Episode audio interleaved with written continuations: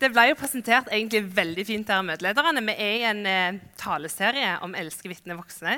Jeg skal få lov til å snakke noe ut ifra vitnedelen. Eh, og temaet for i dag er 'et helt liv'. Så da lar vi den henge litt, og så fortsetter jeg å be. Takk, gode far, for at du var her før vi kom. Takk for at du kjenner hver enkelt her ved navn, og at du vet hva vi kommer med inn i dette rommet her. Herre, må du stilne våre hjerter og våre liv framfor deg, sånn at vi kan være mottagelige for det du har for oss. Ehm, må det være dine ord, Herre. Bruk meg som ditt redskap i kveld, og velsigne du de neste minuttene nå. I ditt gode navn. Amen. Ja, du og meg, vi som kjenner og tilhører Jesus, som ønsker å være etterfølgere av Han, vi er vitner. Vi er et vitne om Jesus.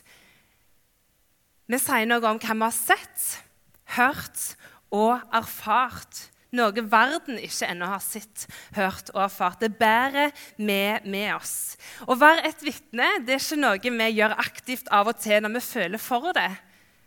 Men i etterfølgelsen av Jesus så vil vi alltid være et vitne om han. Har du tenkt på det? At du og jeg er et vitne, vi som hører til Jesus. Og jeg tror og er overbevist om at vi har med en Gud som elsker å ha fellesskap med oss, og som inviterer oss med på det han gjør.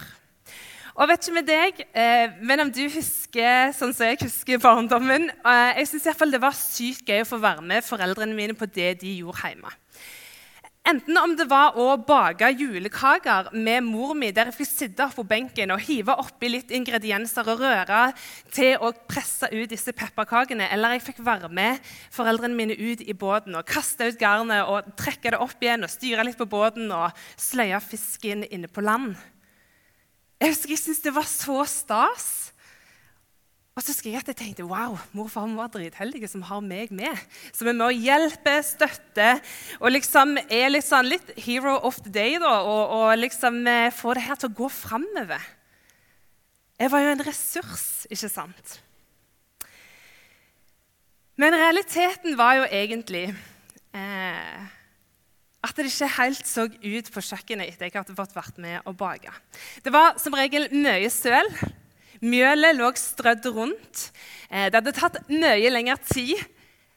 I tillegg eh, så, så disse her pepperkakene ut som kanskje skulle se ut som et reinsdyr. I beste fall ut som en dradd sjiraff. Eller som et bare sånn type eventyrdyr som vi kunne dikta litt opp, som skulle passe inn. Eller når vi hadde vært med ut i fiskebåten, så kunne heller liksom garnet være rodete. Eh, vi hadde kjørt litt feil med båten, men heldigvis hadde foreldrene mine kommet og liksom hjulpet oss på. Eh, og brygga så mer ut som ei slagmark etter vi hadde sløyd fisken. Så kan du bare tenke hva i all verden, Hvorfor i alle dager skulle foreldrene våre gidde ha oss med på det her? Hadde det ikke vært mye enklere om de bare hadde gjort det sjøl? Jeg tror en av de største grunnene til at jeg fikk lov til å være med mor og far, var fordi de var glad i meg.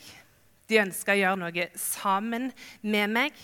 De ønska å veilede meg og lære meg å bruke tid sammen. Og Gud, han inviterer sine barn med på det han gjør.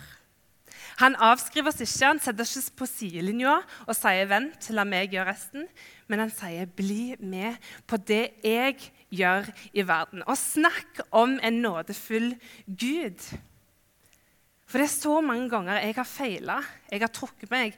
Jeg har vært redd for det han har kalt meg til, eller ikke fått det til, eller snubla eller svikta, eller vært for stolt i meg sjøl. Eller tatt kred for noe som egentlig var hans verk, der jeg har vært feig eller ulydig.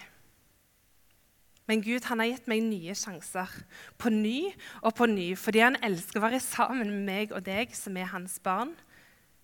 Ikke fordi han må, og ikke fordi at det, uten deg så kommer ikke det her til å gå. Nei, han vil bruke våre feil og våre mangler og vår utilstrekkelighet og våre liv Sånn at vi som hans barn og verden der ute igjen og igjen og igjen kan få se hva Gud vi har med å gjøre. At han er den han sier han er, og at det er han som har ansvar for hele frelsesverket. Og han sier til oss jeg vil virke gjennom dere, gjennom deres svakheter. Fordi dere er mine barn, og jeg vil at dere skal delta i mitt oppdrag, som nå har blitt ditt og mitt det har blitt deres fordi dere er mine barn. Når vi får misjonsoppdraget, så ansvarliggjør Jesus oss, men han sier samtidig at jeg tar ansvar for alt av resultater. Dere skal få være med. Vi skal bare være etterfølgere og vitner. Men Jesus han har gjort alt som vi skal trene i. Og For å toppe det hele så har jeg bare lyst til å si til deg at ønsker du å erfare og kjenne og se hvem Gud er, så sier jeg bare ta misjonsoppdraget som vi har fått, på alvor. For da vil du raskt se at du er totalt avhengig av Gud. At det ikke funker uten Han. At du må søke Han igjen og igjen og igjen. I tillegg til at du vil se at det Han har gjort for deg, det er sant det er holdbart, og det er levende. Og det er her hele frimodigheten vår ligger, i at det er hans ferdiglagte gjerning vi skal få gå. Han har ansvar for resultatet. Vi skal følge han og være vitne for han. Og Derfor har jeg lyst til å snakke om det å være vitne i et helt liv. Et helt liv i etterfølgelse av Jesus. Et liv som vitner om en tro og en Gud og en sannhet som strekker seg over hele historien, over hele livet vårt. Det er ikke bare sånn at det å være kristen gjelder for ungdomstida når du er gira og reiser på festivaler, eh, eller kjenner at du får masse ut av lovsangen eller leser Bibelen, eller at det, nå er det liksom kult å være kristen, og da holder det. Nei, Jesus han er for hele livet. han. Når de store og de små spørsmålene kommer, når utfordringene kommer, da holder Jesus. Og Det er ikke bare en fase, og det er ikke bare for noen spesielt interesserte. Nei, Jesus han møtte mennesker i alle aldre, i ulike sosiale statuser og samfunn og under forskjellige forhold. Jesus han er for mennesket, og han er for hele livet. Og Det folkens, det er et vitnesbyrd til denne verden her, om at det fins noe som er konstant, og noe som bærer hele livet. Og Hvis det skulle være noe som helst tvil om hvor det starter, så har jeg bare lyst til å være helt tydelig på det at alt starter hos Jesus. Han er den som frelser våre liv, våre syndige liv. Og sagt på en annen måte så er det han som gjør oss hele. På det opprinnelige språket som Bibelen egentlig var skrevet på, så betyr frelske, frelse det å gjøre hel.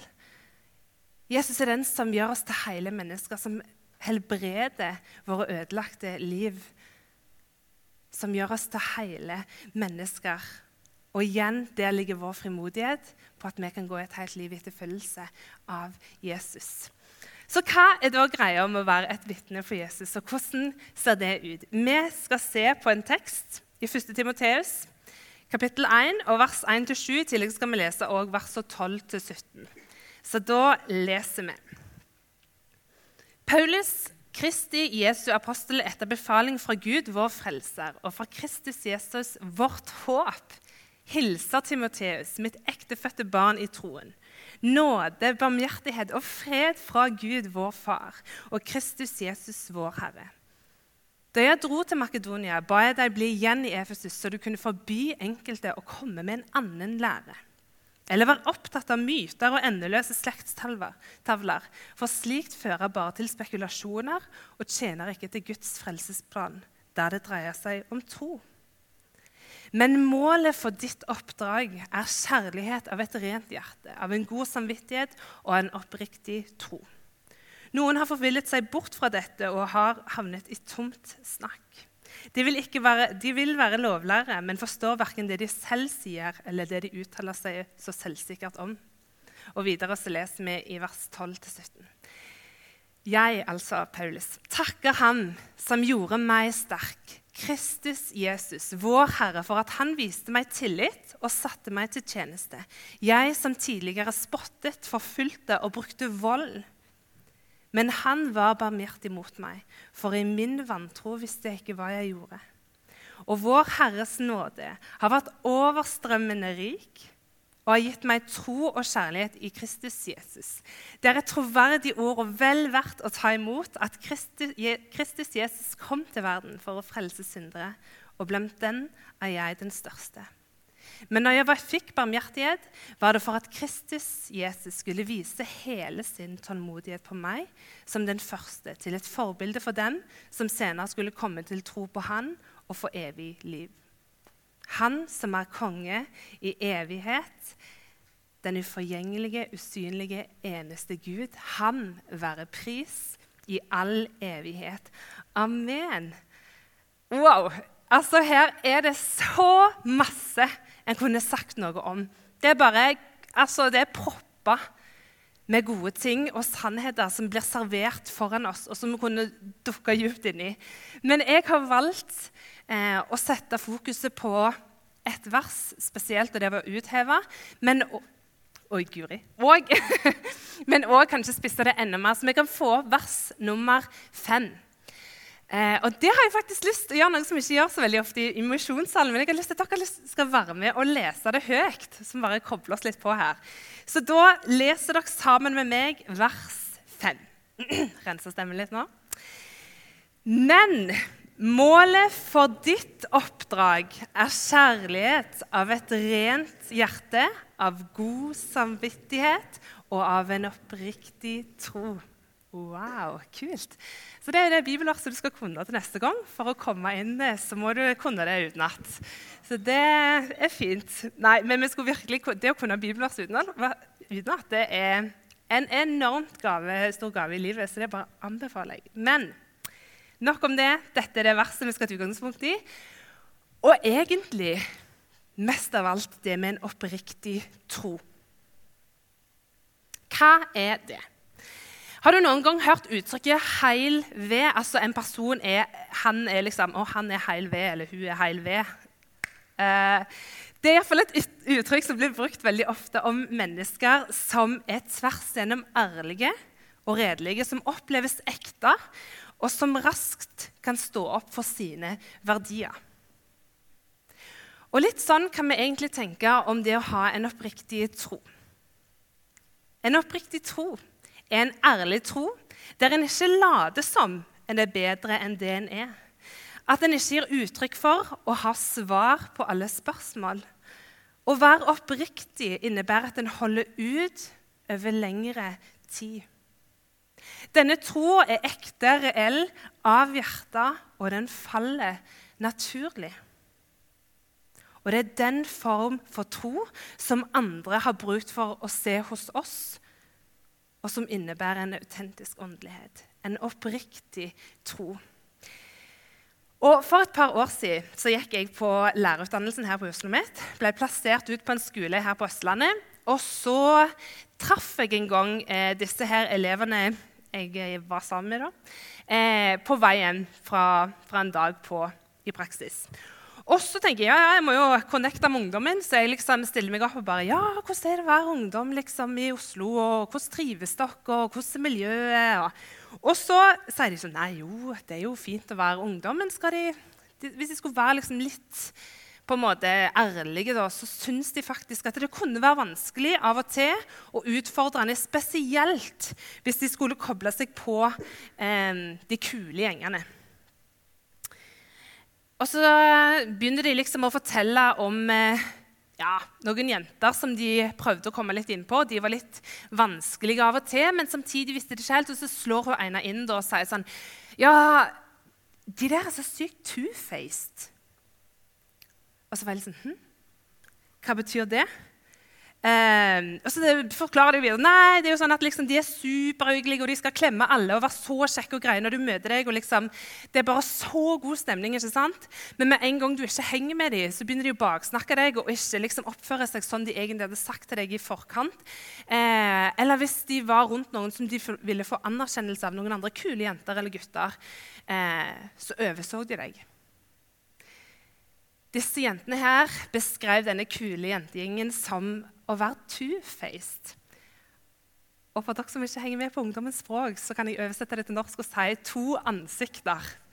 Two-faced. så um, de var altså ikke det de utga seg for å være. De levde på en måte doble liv.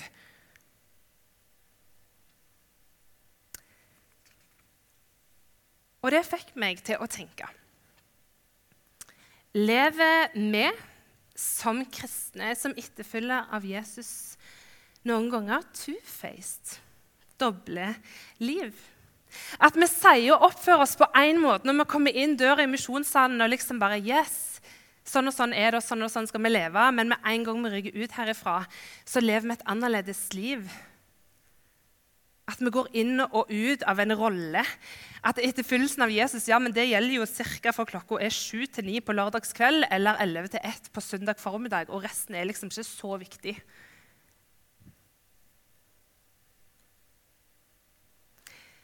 Jesus han har aldri kalt oss til å leve et dobbelt liv. Han har kalt oss til et helt liv i etterfølgelse av ham.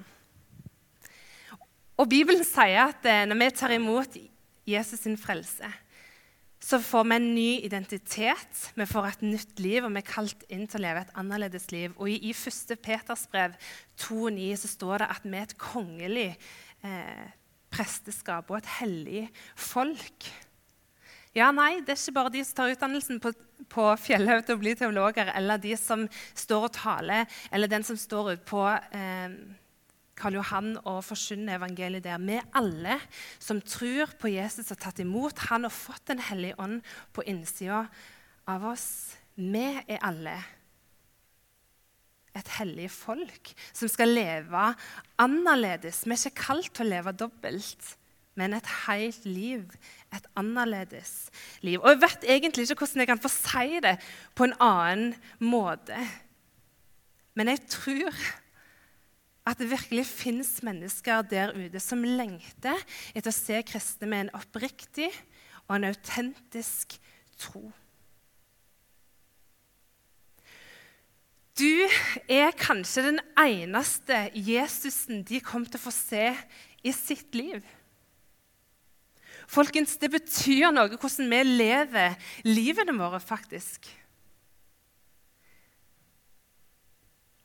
Vi kan si at vi er levende, men lever som vi ennå er døde. Vi kan si at vi er satt i frihet, men at vi lever som vi fortsatt er slaver. Vi kan si at vi er tilgitt, men går rundt med skyldfølelse og dårlig samvittighet. Vi kan si at vi har seira, men oppfører oss som vi ennå har tapt. Og vi kan si vi elsker, men går rundt og leter febrilsk etter erkjennelse og bekreftelse og kjærlighet. Og vi kan si at vi er funnet men fremdeles gå rundt og oppføre oss som er helt lost. Sannheten er at mennesker der ute som ikke kjenner Jesus, de lengter etter han, og de trenger han, om de så ikke vet det. De lengter etter retning. Fins der en Gud? Og disse menneskene fins over hele Oslo. På den kaffebaren du sitter og drikker kaffe og er liksom Oslo-hipster. Eller eh, på fotballaget eller ute på byen fredagskveld. I nabolaget der du bor, på den butikken du går og handler. På det studiestedet du er på. Der er de. Og det eneste som vi kan hente vårt håp i som kirke, som etterfølgere av Jesus, der vi virkelig kan hente kraft og styrke, er at vi bruker tid sammen med Jesus. At vi kjenner han og hans navn og hva han har gjort for oss. Vi må søke han som er veien, han som er sannheten og han som er liv. Han som er kjærligheten, gjenoppretteren. Han som er virkelig frihet. Og Hvis vi ikke bruker tid og lever tett sammen på Jesus, så kan vi aldri heller vitne om det, for vi har ikke sett det, hørt det eller erfart det. Det blir bare påtatt. Det blir ikke noe vi mener, det er bare noe vi sier. Men vi opplever det egentlig ikke sjøl i egne liv. Verden lengter etter en autentisk tro blant de som følger etter Jesus. Det er en grunn for at Jesus er kalt verdens håp. Han er vårt håp, og han er verdens håp. Så hvordan da kan vi vise dem Jesus? Jeg tror kanskje noe av det er å, å kunne ta et steg til sida og si at Jesus, vi trenger deg og ikke alle mine svar. Og, og liksom virke som at vi skal leve et perfekt liv ut for verden og skjule alle våre feil eh, og mangler. Men akkurat i våre feil og mangler så er det der Jesus kan få bli stor. Og i Fesane 4,1 så står det 'Lev hellige liv', så dere kan stå verdige til det kallet som vi har fått. Verden trenger ei kirke og kristne som har en oppriktig tro som er troverdig, som er noe annerledes. Verden trenger å se at vi tilgir, men at vi òg trenger tilgivelse i våre liv. Verden trenger å se at vi elsker flere enn bare vår lille familie eller våre gode venner. Apropos 'elsk deres fiender', som vi har snakket om tidligere. Verden trenger å se at vi bruker pengene våre annerledes, at vi prioriterer tida vår på en annen måte. Verden trenger å se at vi har langmodighet med hverandre. At vi tåler hverandre, feil og mangler. At vi ikke begynner å baksnakke eller utestenge. De trenger noe annet enn det verden allerede har servert dem i flere hundre år. Du er kanskje den eneste Jesusen som de rundt deg noen gang kommer til å få se.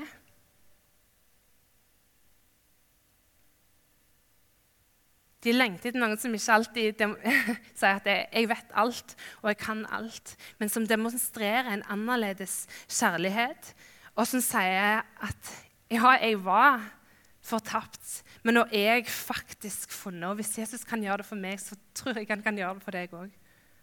Det vet jeg han kan.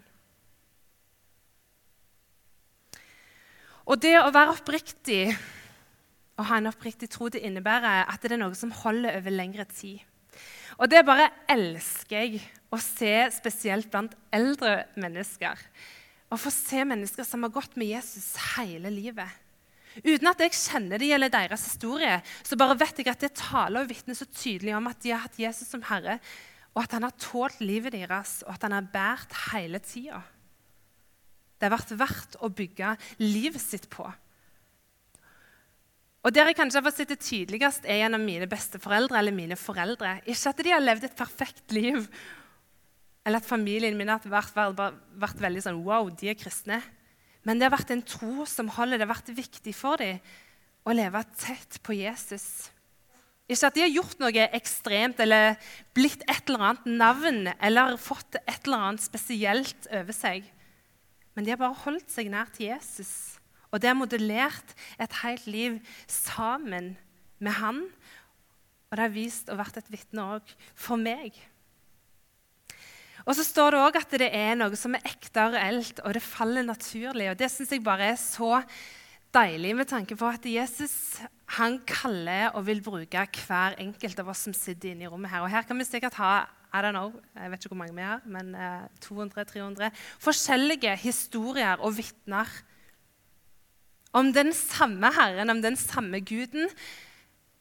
Men han vil gjøre det gjennom mitt og ditt liv, vår historie. Han vil gå sammen og time seg opp med deg og si 'kom og bli med på det jeg gjør'. Vær deg sjøl. For det er det som er naturlig og troverdig blant andre mennesker. Og det vil òg skape en nysgjerrighet på hva det er du egentlig holder på med.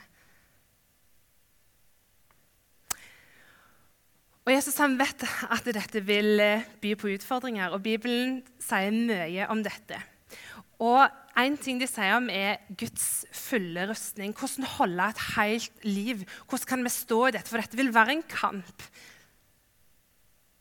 Hvordan skal vi være sikre på at det skal holde hele livet? Da Jesus, eller Det står det i Efesene 6, 10 og verset vers utover at vi skal kle oss i Guds fulle rustning. Og Jeg skal ikke lese alle versene der, men det står at vi skal spenne sannhetens belte om oss. Det står at vi skal eh, sånn, kle oss i rettferdighetens brynje.